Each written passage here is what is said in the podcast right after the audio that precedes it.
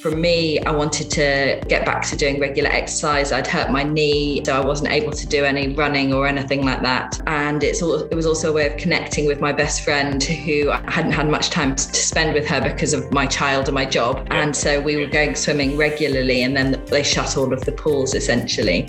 And I remember him saying to me, Do you know they've just opened the docks? And wow. I hadn't been swimming in the docks before.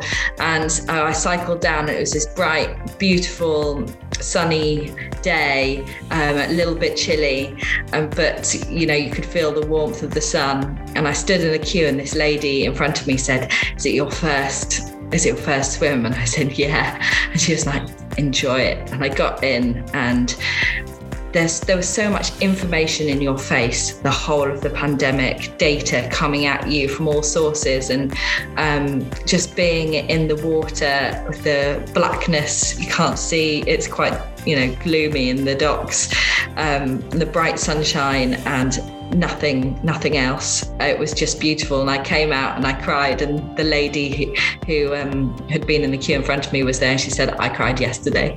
And that was Jess Potter, respiratory nurse and swimmer from London in the UK, and our lucky prize winner of the free video analysis session. Listen in to today's podcast, number 28, as we talk to Jess about her life with swimming around the COVID pandemic with her busy work in the hospitals around London. Enjoy.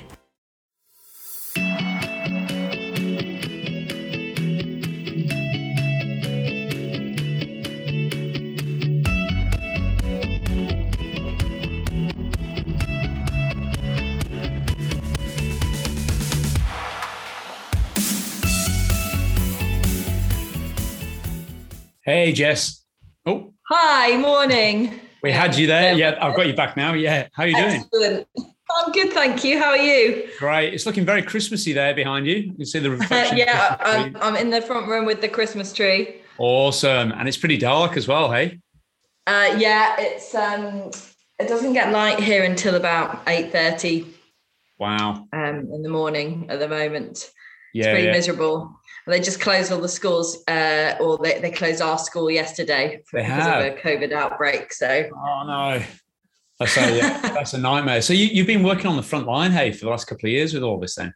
Yeah, yeah, yeah. Wow, well done. I mean, that's that's. Um, I can't imagine what it's been like. We we've we felt really um, distanced and isolated from it all over here. We're very lucky here yeah. in Perth. Obviously, I'm from the UK originally, but here in Perth, it's been um, like a, a, pocket of of nothingness basically but um yeah my, my my brother's in Melbourne, which oh. obviously is like, even though not very much has happened, he's been pretty much in lockdown perpetually for two years. and yeah, that's what it felt like.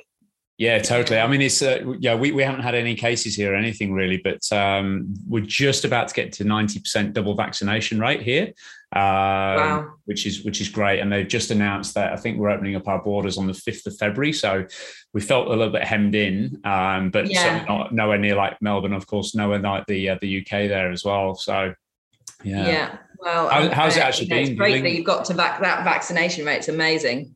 Is it? Is it? Yeah. Okay. Oh, that's that's good to know. I'll uh, I'll be sure to tell the Premier Mark McGowan. it's, uh, it's, they're doing massive, massive marketing campaigns over here at the moment to try and get get people there, and obviously the incentive to then open up the the borders and everything. But mm. uh, what is it like in the UK? They just kind of embarked on this booster campaign because of the Omicron variant um, right. has really taken off, and we're um, we've had more positive case results or positive test results yesterday than at any point during the pandemic. Right. Okay. Um, yeah. So it, the the shit is hitting the fan. Yes.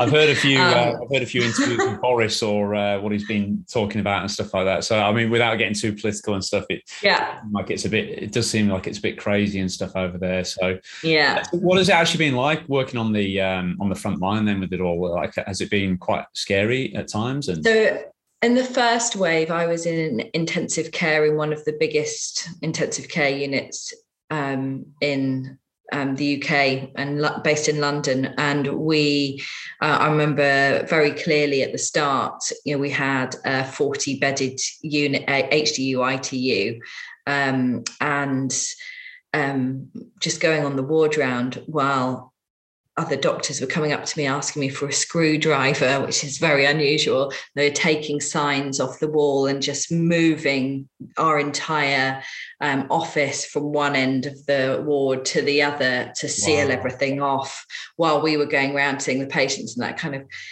whole, whole craziness generated lots of um, adrenaline and anxiety and then and you're getting you know with all the get up and stuff like that and then you kind of get into your routine. But um, i think uh, to, you know lots of people had a really difficult time during this pandemic. It, we were going out and doing the job that we know how to do that we're paid to do um, and that we're trained to do and we got to leave the house. Whereas wow, my husband okay, was so stuck was, at home doing homeschooling. Yeah yeah um, wow so so um, yes it, i mean it was really difficult and there was a lot of um, there's going to be a huge fallout i think with people suffering a lot of trauma yes. um, and both now and down the line and particularly with the repeated waves um, there's been no respite i think yeah. and that's what's been really tr- challenging you did mention yourself that when you got back in the water for the first time it was a real emotional experience and yeah yeah. Uh, so um, when um, my one of my bosses, that uh, one of the consultants in intensive care. So I, am a consultant respiratory medicine now, um, which happened midway through the pandemic. Um, but before I was a registrar, which is just under the level of consultant. And one of my consultants um, uh, did a lot of swimming, um, and in fact followed um, Swim Smooth to train himself to to swim. Oh, really? And he, yeah, um, and we were going. We, we worked together across the whole pandemic and before, and um, he knew I was swimming and going regularly, and that I'd signed up to do the Dart 10k in yeah, that September.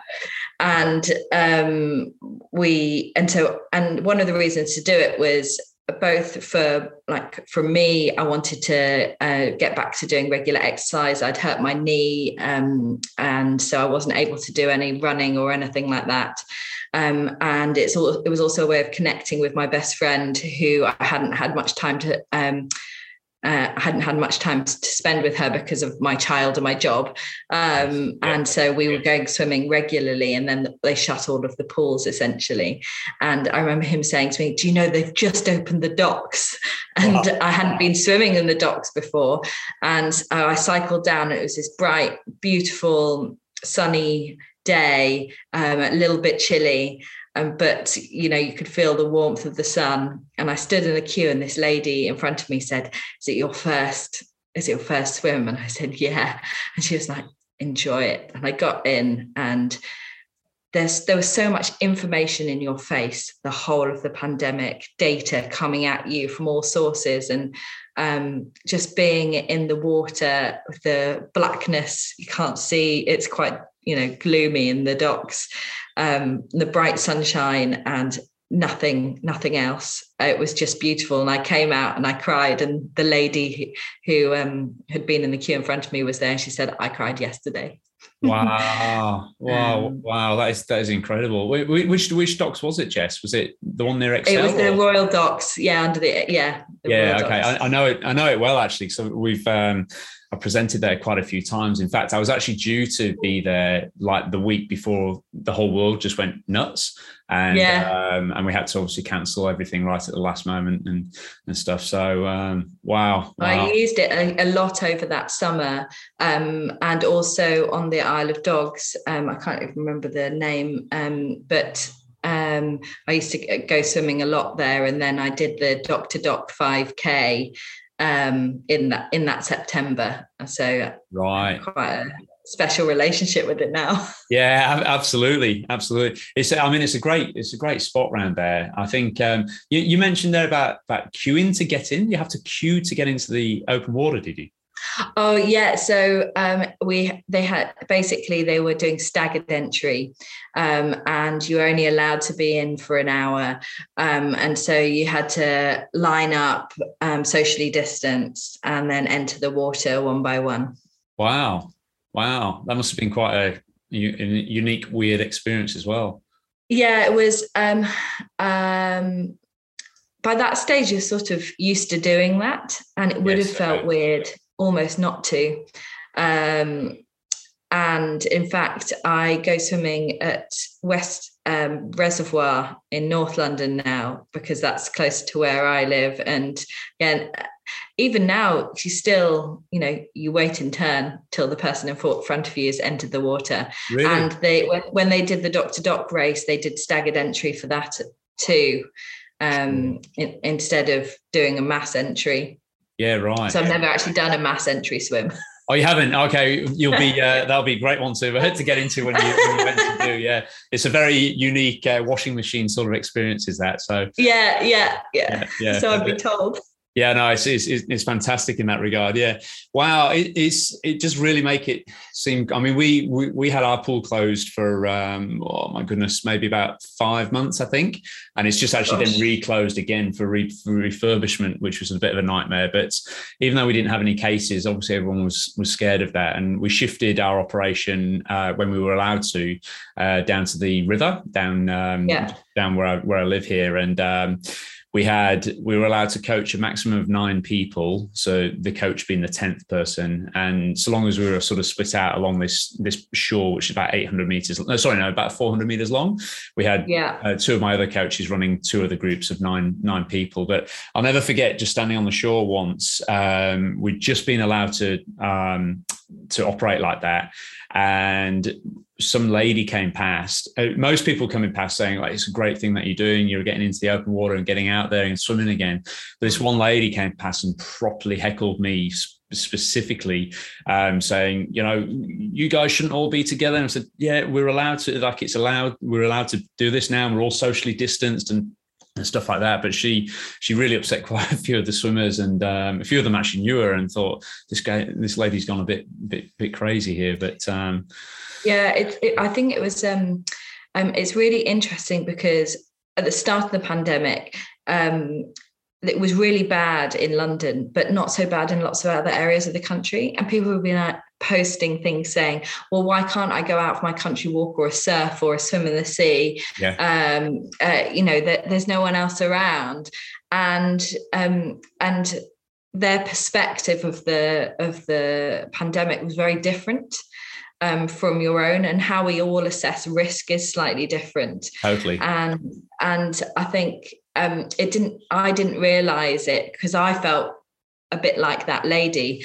No you mustn't do this ah right. yeah, and then yeah. and, and it took a little bit of time for me to reset my position and say oh i understand actually not everyone is having the same experience as me and yeah. particularly now i'm on maternity leave i you know i've still got um, i'm still in my hospital whatsapp groups and so i know what's going on but i'm very much detached from it right. um, and in, instead i'm all about the outbreaks in schools and um, and that's my um, way of uh, being in the pandemic and know, knowing that things are hotting up, I suppose. Yeah. And yeah. how to change my behavior. But um, uh, for each of the previous waves, I've been on the front line, and mm. what I can see is people coming in and being really, really sick. Yes. Um, so you have that sense of urgency, but I think it's very difficult for people to really understand what is going on. At, at that at that sort of level, yeah. Well, yeah. congratulations anyway. So you've just had a, a baby. Is is that right? Yeah. Wow. Yes, how, how, he or she? He he's three months old. Wow! Wow, you're looking um, great for three months post post. Yeah, wow. You. Yeah, yeah, uh, yeah. It's um, um, it's it's actually lovely not being at work.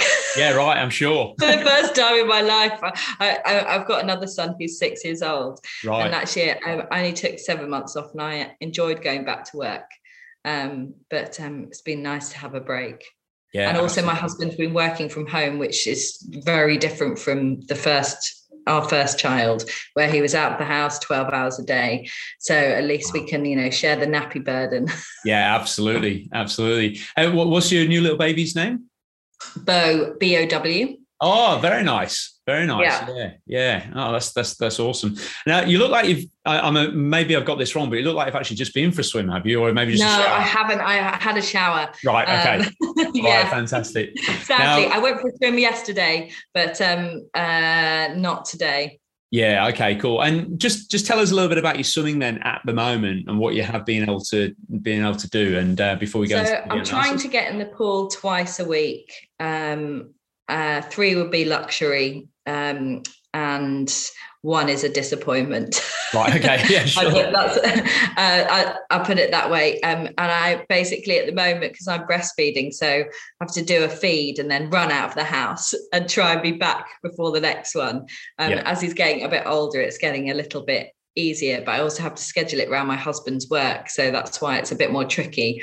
Um, and when we just moved house about six months ago and i used to live 15 minute cycle from the Olymp- uh, the aquatic center oh, and wow and and uh, London Fields Lido, so the 250 meter pools. Right. Um, and when we moved here, there's a lot of local um, council run, or um, in fact, it's run by a, um, a, particular company, and they've not really opened back up because they haven't got the staff. Wow. And so there's been very few swimming slots. So I've had to go a little bit further away to find a pool that has you know loads of slots and that I can get in easily. Mm. And it's a great little new pool, but it's 25 meters, not 50 meters. Yeah, sure. And that's actually been really beneficial to me, I think, because um, I'd got into a bit of a rut just going in and swimming long distances at a steady pace. Yeah. Um, and not doing what I should be doing to improve.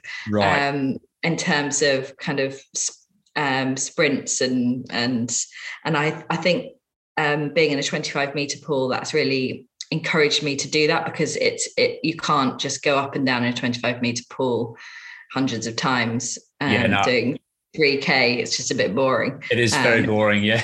Yeah. So um as much as i love swimming um and so actually I, I think that's that's going to be really beneficial for my swimming. Yes um, absolutely force me into doing that so we'll uh, we'll crack on in just a moment then with the with the yeah. video analysis. Um, it was great that uh, Julian managed to get get some video footage. So obviously one of our swim smooth coaches over there in uh, over near Rich, Richmond, Acton, that sort of uh, yes. at the Park Club basically. And I've been showing a little bit of video footage. In fact, I just did a podcast with Rebecca Adlington a couple of weeks ago, and yeah. um, you're actually swimming in this video in the same pool that I filmed her in ten years ago. So it's quite nice. Amazing. To see, uh, nice to see the pool again, which which is great. Um, when you um, when you swim, how do you feel? Um, Bit of an open when question, I, that, yeah, um, comfortable. Comfortable. Um, yeah, um, I particularly um, when I'm swimming at a kind of steady space, um, pace. Um, probably slightly less now than um, before I had my baby, but where because uh, I'm just trying to get back into it, um, I feel like I could go on for ages. Wow. And when I did the 5K, I was back in the pool the next day uh, with no problem at all. And so I felt like I had trained um, for the first time in my life, actually trained for something and yes. was able to complete it without ruining myself. Yeah, right. Um, that's that's really good to know. Yeah, yeah. Um, and but um, also a little bit um, stuck in my ways, I mm. would say, um, and a little bit uh, plateaued. Yeah, sure. What what do you what do you see to be your key issue? If you like, I, I don't know if you've seen the video footage. I what I, one of the things that I have done here, Jess, is I've per, uh, purposely not looked at the video yet. So I'm actually trying to okay. do this as a, exactly as I would do if I was filming you on the pool deck. And so okay. we're going to go through it exactly yeah. like that. But in your in your mind, what would you mm. what would you say are a couple of your issues? Couple of, obviously the strengths are the diesel engine, the ability to go on and on and on. But where yeah. where are some of your issues? Do you think? Um, so I'm struggling to get faster, and mm. I'd like to be to get faster. I think um, part of that's probably a fitness thing, um, and uh, part of it's my lazy training style, which is just go in and keep increasing the amount of distance that I'm swimming. Sure. Um, uh, my I only breathe to one side, okay. and I have tried to do some work to try and make it as comfortable to breathe to the other side. Um, but I um, get lazy. Okay. And because it's just so easy doing it the other side and i can breathe to the other other side but it, i i notice that i'm not as balanced as and, balanced with that. Okay. Yeah. Well, let's um, take. Sorry, go on. Yeah, yeah, and and that's that's it. I would say. Yeah, cool. Okay. Well, I'm just going to bring up the screen here. So I'm not. You should still be able to see me, I think.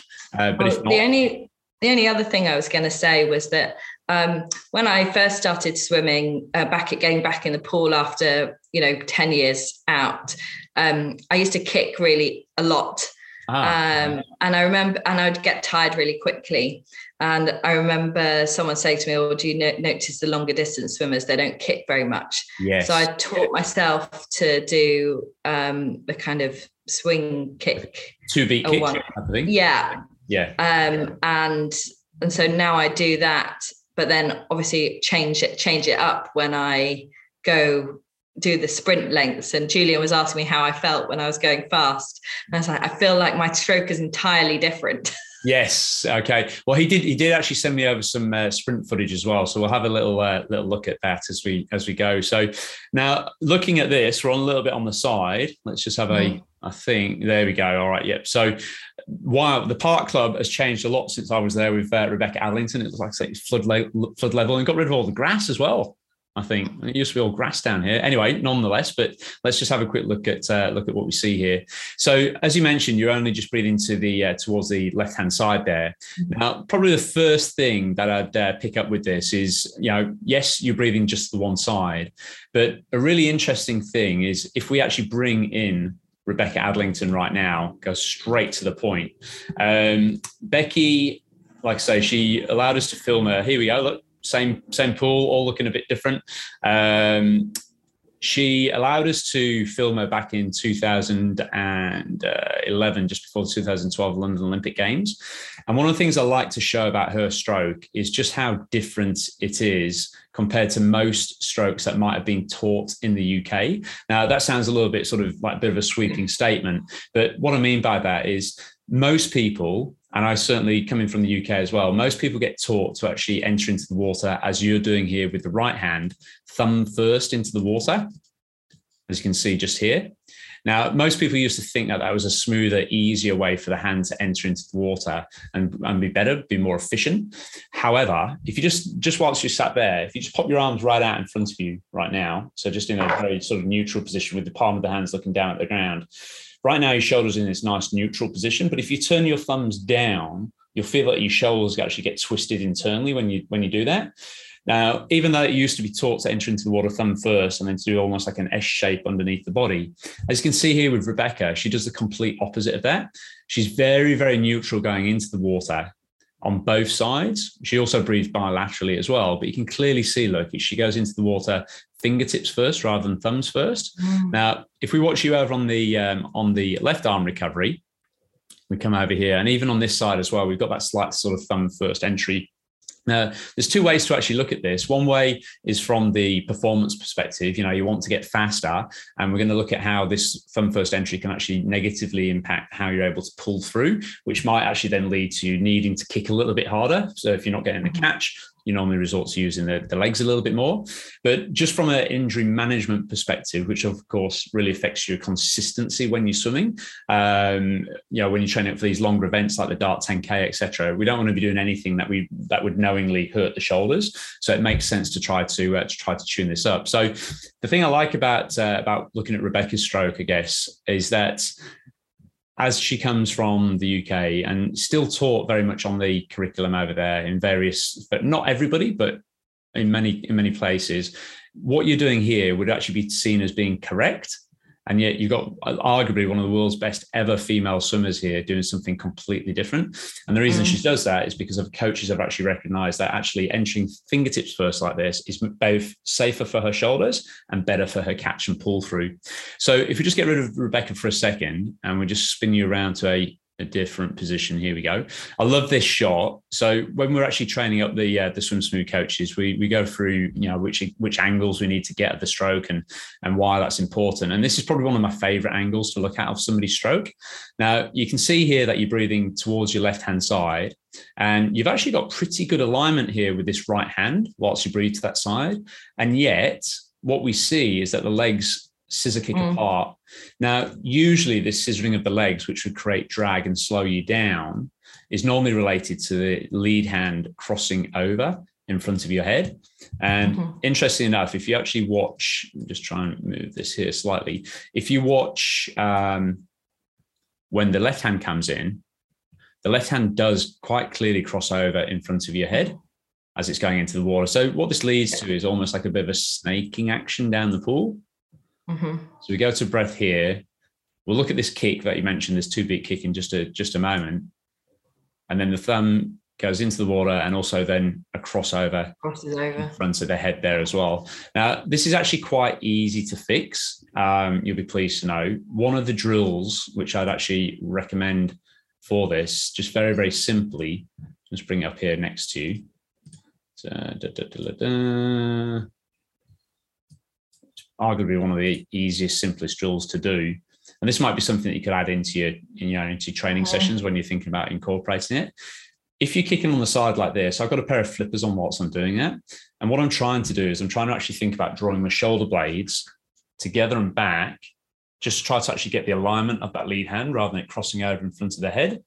And what's nice about this is when you do it yourself, if we watch it from the bird's eye view, you can see where this hand wants to be. Oops, you can see where this hand wants to be placed, which is just here.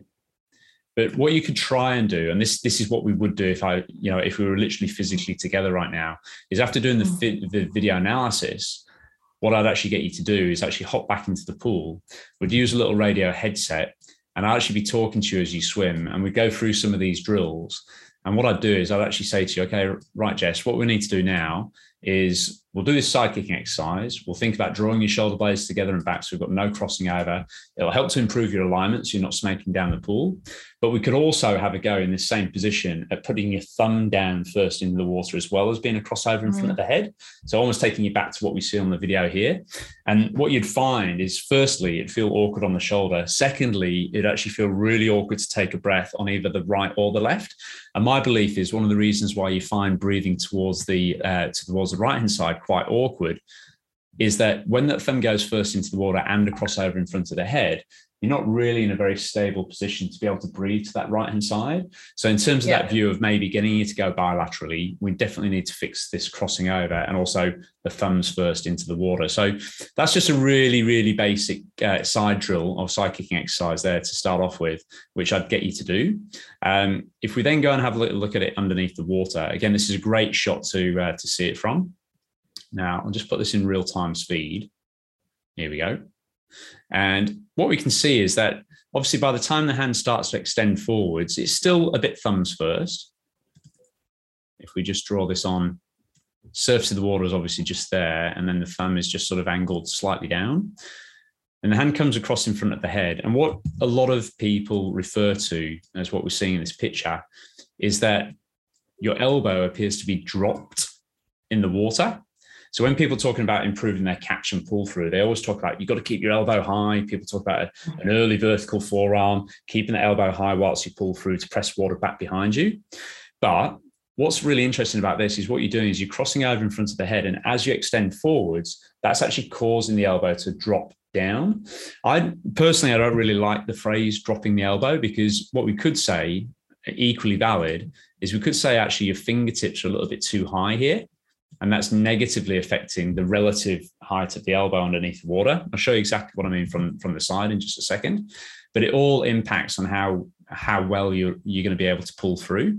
So let's just watch how this arm is. Now we can see here that quite interestingly, when you pull through with that left arm, which would be the arm that would theoretically support you to breathe to that right hand side, the side that you don't normally go, you're doing something here which is it's it's more unusual than usual. And what I mean by that is if we bring the darling child back up, Rebecca Adlington, we actually we actually ran a video, uh, sorry, a blog on Rebecca a few years ago, and we called it "Bend It Like Becky," as in like bend it like Beckham, because one of the things that she does really really well underneath the water is she consistently bends her elbow to about 100 to 120 degrees, just as we can see here.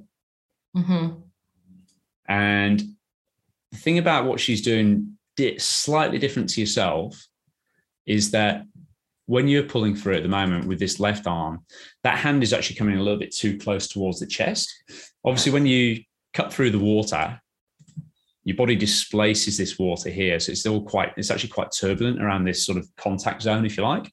And if your hand pulls too close towards that contact zone, really it's just actually going to be slipping through the water. So if you notice Rebecca, she reaches a little bit deeper and she's just able to simply get a little bit of better handle on the water. Mm. Now, when I said to you that you're doing the more unusual thing, most people from this angle tend to pull through very, very straight with a very, very straight arm pull through. So it's really good that you've actually got some bend at the elbow there, because, like I say, most of the times it's normally totally straight. However, it's just a little bit too close in towards the body line.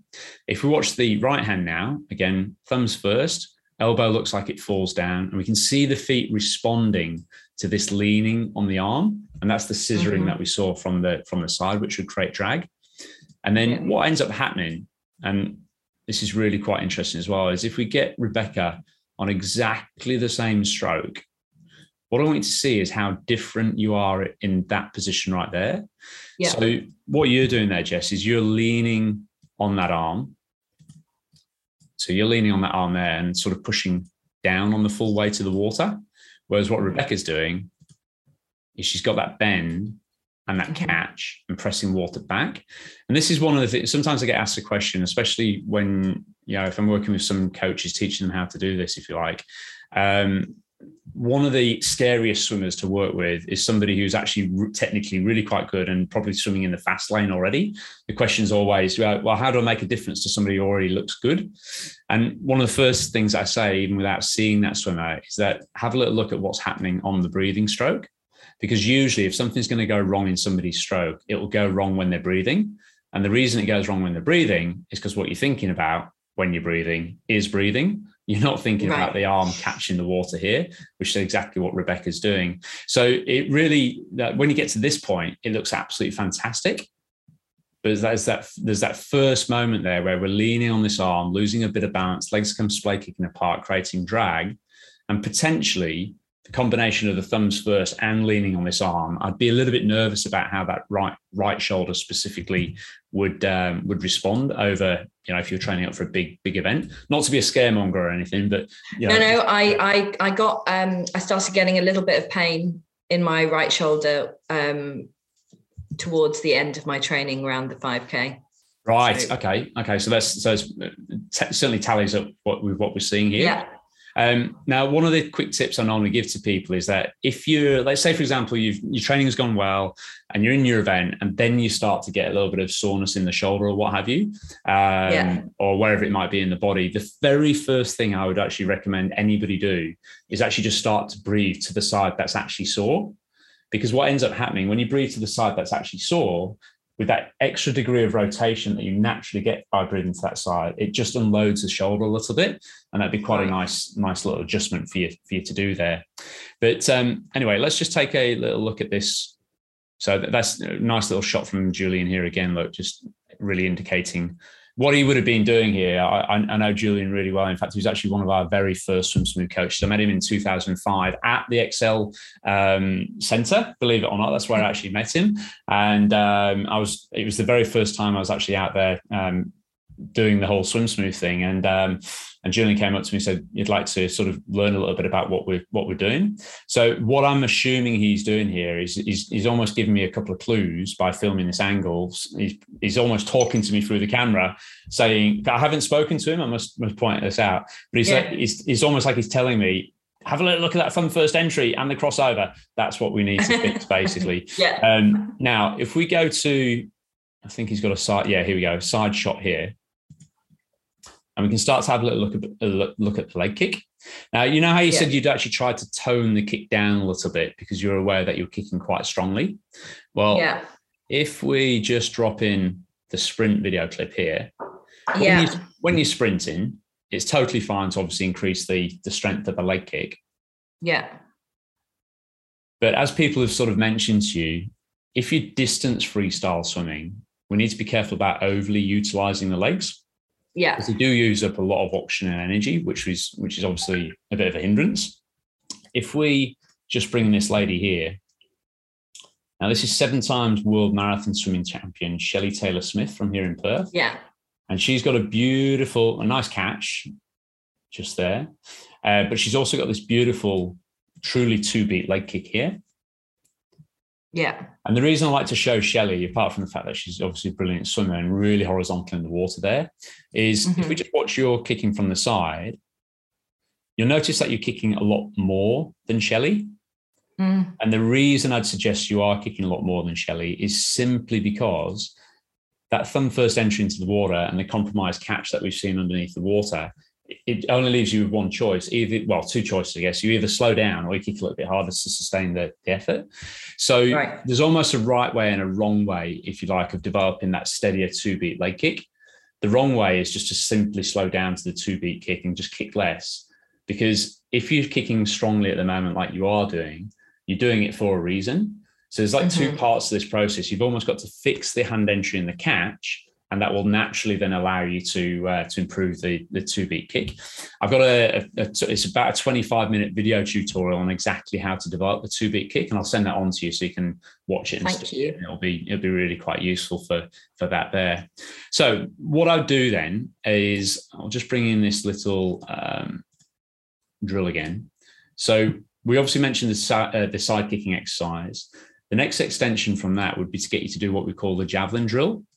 Now, I don't know if you've ever swum with paddles before, but a lot of people think about using paddles as increasing the surface area of the palm of the hand to make it harder to pull through, to strengthen you up, if you like. But these right. paddles here are actually shaped like an arrowhead and they're perfect for your stroke. They're made by a company called Finis if you cross over in front of your head, because there's only one strap for the middle finger and a keel on the bottom, if you cross over in front of your head and or enter into the water thumb first, the paddle's designed to fall off your hand. So, which is really cool. Yeah. yeah. So what you end up doing is you, you know, if you're in a 50 meter pool, you do 25 meters kicking on the side, like I've just shown you. And then once you get to the 25 meter marker, this is a great exercise to then teach you both how to go into the water fingertips first, to extend forwards in front of the shoulder. And you'll notice here, I'm only breathing to one side myself as well. I'm breathing mm-hmm. away from that single paddle. And yeah. the simple reason being that we've already seen in your stroke that if something's going to go wrong, it'll go wrong when you're breathing. That paddle's there to remind you of that exactly as you're doing it. And what it'll right. also do is it'll tip, teach you to just tip the fingertips down at the front of the stroke to catch the water whilst you whilst you breathe into the side there, and it just helps to keep everything you know nice and smooth. And for yourself, you, this would be a great way to build up that bilateral breathing because you get a chance to go you know to the left and to the uh, and to the right yeah. side. Now, the final stage in this, and I can see you furiously writing down notes. Don't panic. I'm recording all this for you, and you'll be able to just watch it all back through. But please do keep going with your notes. That's that's fantastic. um, if we just bring up probably one of my favorite drills here, just a little bit of sculling. Now, sculling, you can do this with a pull buoy between the legs, or rather, you should do it with a pull buoy between the legs. Some people do sculling, just moving the hands in and out like you're mixing hot and cold water uh, without the pull buoy between the legs. And the problem that this creates is that you're never quite sure whether it's your kick that's pushing you forwards or what you're doing with your arms. Right. And for sculling to be successful, you've got to keep your fingertips below the depth of your wrist and below the depth of your elbow. So when I was saying before that I don't really like the term of dropping the elbow, it's simply because you could actually just say it the other way. My elbow here is dropped now and I'm going backwards. So just watch it when it comes in mm-hmm. here elbows dropped and I'm going backwards. But you could just simply say that my fingertips are too close towards the surface of the water. Mm-hmm. So really the take home points from this in your stroke is to make sure that, okay, we've seen that you go into the water thumbs first. We've seen that you're crossing over in front of the head. We've also seen that when you reach forward underneath the water, your hand comes up towards the surface. All three of those things will be either slowing you down by virtue of potentially harming the shoulders and certainly mm-hmm. not giving you a good enough catch and pull through. So by getting you to simply think about fingertips first, extending straight forward, spearing a little bit deeper, that's going to allow you to get into that catch and pull through way better. And then the second stage in this process can then be looking at, okay, I'll, t- I'll tone down, I'll follow the, the little tutorial on the two beat leg kick, and we'll actually move forwards from there. So I actually really like, Jess, what you're actually doing here. And I don't think it's going to take you a million years, definitely not, to actually tune this up. And I think you'd be able to certainly you know, if you've already experienced a little bit of soreness on that right shoulder, that should be motivation enough to try and make a couple of couple of changes on this and and really uh, really drive it forwards. I'm not sure how far away Julian and his squad is is from you, but it might be you know, it might be worthwhile every now and again just popping over there and uh, letting him take you through the show you through the ropes and stuff because obviously he'll do all of these all these drills with you with you here as well. Yeah, yeah, he he was um he was brilliant. He, he was, was he? Did he give you any tips out of interest? No, uh, he said that he'd leave it for you. Perfect, perfect. Yeah, yeah. I was, Yeah. I was, I was No, sort of you know, he's like, I'm not, gi- I'm not giving you any spoilers. yeah. I was, uh, I was, I was, I was hoping you would. Yeah, absolutely. But, um, but there we go. So what I'll do from here then is I'll send you over the recording of this, and I'll also send you over the, um, uh, the link to that video clip, so you can sort of see Thank the progression so of the of the two beat leg kick. And I'll send on a couple of training sessions which you can actually build into it. We did a um, way back in God 2011, uh, 2010, 2011. Um, produced a video called the Catch Masterclass, and the whole process was talking about okay, well, how do you actually catch and pull through better underneath the water? And the idea being that um, we split it up into three parts, and the first part was very much talking about the idea that okay, most people, and I'll never ever forget this. Most people, when they're talking about improving their catch, just want to learn how to pull harder and go faster and stronger. And I had this really, we call him Ocker Aussie, somebody who's got really quite sort of gruff in their voice and stuff over here. And he came to me on the pool deck for this video analysis session. He said, Mate, I don't want to learn how to pull hard. uh, Sorry, I don't want to learn how to body roll and breathe and all that sort of bullshit. I just want to learn how to pull harder. I said, Well, I can teach you how to pull harder, but first I've got to show you how to actually enter into the water correctly. And um, so there's almost like three parts in that process showing you what's happening as the hand goes into the water and how to do that. Then showing you the mechanics of how to pull through. And as we saw, obviously, on your uh, on your left hand side, just that hand just pulling that a little bit too close towards the body line and reaching that a little bit deeper would help. And then obviously the third part of that is how it then affects the mechanics of the stroke. And in your Yeah. case, what it's going to do is going to affect the stroke in the sense that it's going to give you the opportunity to then develop that more um, efficient two beat leg kick. yes. You know, Yeah. not not not everybody suits a two beat leg kick, and that's what I talk about in the little video that I'll send through. Not everybody suits it. I've I've seen people in the past who have thought, oh, I'll give this a little bit of a go, teach them how to do it, and it hasn't actually worked very well for them. So it's Mm. not it's not like every distance freestyler needs to switch to two beat leg kick. But looking at your stroke and looking at how you've already recognized that and toned it down, I think you definitely can progress down that pathway. I think it'd be really good for your stroke. Um, but obviously, the, this, the first stage is just- getting that hand entry right first and, and learning Yeah, how to that's really that catch and- helpful. Really catch and pull through there. Yeah, yeah. But uh, yeah, I hope that uh, I hope that gives you a little bit of a, an insight into uh, into how to tune it up. I, I was really intrigued by what you said at the start when you said um, I'm sort of stuck in a rut and um, I've got a very I think you said something along the lines of a, a very set in my ways or something like that. Would Yeah. you, would you consider the bilateral breathing sort of setting? Uh, sorry, unilateral breathing setting your ways, or, or is that something you will? Um, uh, a, a little bit, um, uh, just because um, it feels so comfortable to breathe on that one side compared to um, when I have been trying to get more get more comfortable breathing at, at the other side. When Yes. I got I, I would say I shaved about 20 seconds per 100 meters off my time when I switched to the two beat leg kick. Did you really? Wow. Um, um, and I don't know quite. I I think it was because I was having to go slowly um, to uh, maintain, like to be able to sustain myself, Absolutely. um, because I was kicking too too hard before, um, and and to and that and it also allowed me to focus a little bit more on my arms. But then I got stuck at that kind of one speed and wasn't sure how to um, aside from you know getting fitter yes. how to make myself more efficient because as you said that's what i'm interested in efficiency feeling comfortable in Absolutely. the water um, I think I think when you when normally when I see somebody who is um, you know only breathing to the one side, there's usually two reasons they normally stipulate why they don't breathe bilaterally. One is that they feel like they're running out of air and can't support that. Now, underneath the water, usually that person is actually holding onto their breath a little bit and then blasting out mm. right at the moment. You're not doing that. But what we do know is that that left hand cr- goes into the water, thumbs first, crosses over, and then when you pull them through, is very, very close to the chest line there. So it's sort of almost slipping through the water. And those three things combined would definitely make it very uncomfortable to breathe to that right hand side, at least sustainably. So I think if you make those couple of adjustments or three adjustments, if you like, then it will really help you breathe into that right hand side. But yeah. you don't need to go into this thinking, okay, I'm going to go, I've got to do bilateral breathing or I'm failing. It's not that yeah. There's many ways to skin the bilateral breathing cat. One could be, okay, I'll just breathe every two on the left on the way down, two on the right on the way back, which is what that little javelin drill basically gets you doing. Yeah. Another way you could do it is you could do what um, the pattern two three two three two three, which sounds quite complicated, but it is a nice stepping stone between breathing every two and then jumping up to breathing every three. Um, yeah. And then of course you can do your standard breathing every every three exercise sometimes what I get the squad to do um, is we do some training sets, breathing three, then five, then even seven, uh, and sort of rotate through. And a lot of people, when they're doing that, it's automatic to feel like, okay, the purpose of this exercise is to hold my breath a little bit longer or build up my lung capacity. But that's not what it's about at all.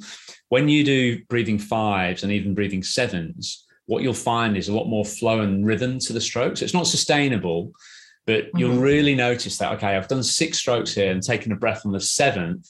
You'll really start to notice if that seventh is letting you down a little bit, thumbs first, right. crossing over or pulling close, just yeah. because it's coming about a lot less frequently. So right. when you try those exercises, don't think it's all about holding my breath and having big lung capacity or anything like that. It's not that at all. It's just giving you that opportunity to recognize where those errors are, if you like. And yeah you know, if we were, like I say, if we were physically together, we'd jump into the pool right now. I'd set you up with my little radio headset. I'll be talking to you and, and I'd actually be filming you whilst I'm doing it. So you'd be able to see those improvements as you go along. But I'd frequently get you to go back to doing the old stroke so you could feel what the new stroke feels like in comparison. Because when you do feel a little set in your ways, and we all feel set in our ways, sometimes the new stroke can actually feel wrong until you actually yeah. immediately go back to doing the old stroke and you feel that contrast between the two. So I think that's a really good way of actually just sort of you know bringing it together and, and making it making it work quite well for you there. And um, you know I say with the people that I've taken for these video sessions, even when you're in your squad sessions, a really good thing to do is to get again occasionally go back to the old stroke, but if you're doing it with other swimmers or at a speed that you know you can normally maintain, if you go back to the old stroke and suddenly you're slowing down, you know, or vice versa, you go to the new stroke, you start to speed up, then it's also very positively reinforcing of, of the changes mm-hmm. that you that you're trying to make there as well. But um, yeah, I, have had um, some people some people come to me over the years and they say, uh, "Yeah, I can't teach an old dog new tricks and stuff like that." And I'll never forget. I've got a guy in Melbourne actually who he's normally flies over here, usually once or twice a year, and he got he started swimming when he was 75. And of course, he, wow. he very much he very much had the. If anybody could say you can't teach an old dog new tricks, it'd be him. But because he'd only just started swimming at 75 and he's now I thinking he's, he's about 84, 85 now, his actual relative training age is still quite young. So I still yeah. see him as being quite malleable, if you like, and quite flexible in his in his learning. And yeah. he was adamant I'd never get him to breathe bilaterally. But as soon as we did, and we went through this same process, it made a tremendous improvement. He felt great with it. So yeah, you know, I think we've um, Julian might even say this as well, but we we've got a sort of almost a reputation, certainly I have, for being a bit of a stickler about bilateral breathing. But it's not yeah. so much about the bilateral breathing, it's more about just improving that versatility and balance within the stroke. There's yeah. plenty of times when I train, when I race, and I only breathe to one side. But knowing that I can go to the left or to the right as the conditions dictate. And it doesn't throw you off. Yeah. Off yeah. And I, I think um, being in the 25 meter pool, I, I'm definitely starting to feel more comfortable breathing on the other side. Yes. Um, I just and I need to, you know, as I say, not not be lazy about it because I do notice that I can tell that you know when it's when it feels when my stroke feels good and I'm breathing on both sides, um, that it's better than just um just breathing on one side. Just on the one side, um, yeah yeah yeah and you know you, you'll definitely you'll definitely get there with it and i think with those couple of tweaks to the stroke it should help it should also help to support it and and make it a little bit better for you there as well. But uh, yeah, thank uh, you so much. It's a, it's a really great time for me now as well because um, it's obviously the winter here, and so um, uh, and so I'll be in the pool a lot a lot more doing the shorter distances, and yeah. um, you know having just had a baby, um, I'm just slightly slower anyway, and so yeah. it just it it feels like it's a great time to reset and and um, improve. So thank you so much. Oh, that's that's that's okay. And I I just like you know like I say we we put this out there to the to the blog and you know to invite people to sign up for it. And when, when we got your application for it, I thought you know what a perfect candidate for for someone to do the do the video analysis. Me writing it at two o'clock in the morning while feeding my baby. I got my email and I got the email and I was like, oh well. And for me, it was such an easy thing to write because yeah. it's exactly you know it, it, uh, everything that I said is exactly how yeah. I feel. No, that's that's great, and I'd just like to obviously say thank you for your service during this horrible period to to the you know the public there in the in the UK. I'm I'm gutted that I can't get back and see my mum and my dad and uh, yeah. and my sister and yeah. all my family and stuff like that. Yeah desperate to see them. So uh, yeah, it's sort of nice to now. I've actually just been watching the lights come up whilst we've been doing this video analysis, yeah. and now we've got a bit of light in the background and uh, and stuff like that. But uh, yeah, w- uh, wish you and your family a great Christmas. And yeah, uh, I hope you get to see yours soon. Uh, yeah, I, yeah, yeah I, I, haven't met my new nephew yet, who's in Melbourne. So oh god, yeah. How old is he now? Oh, he's two. oh God! Wow! yeah, wow! Yeah. yeah, yeah. That that'll be a um, bit of a shock when you when you meet him. Then I guess. Yeah. Yeah. Yeah. Exactly. Yeah. yeah cool. All right, Jess. So I'll I'll finish this up and uh, I'll flick it on to you, and then uh, then we'll go from there. Thanks so okay. much, and Merry Christmas. Merry Christmas to you. Catch you later. See ya. Bye. Bye.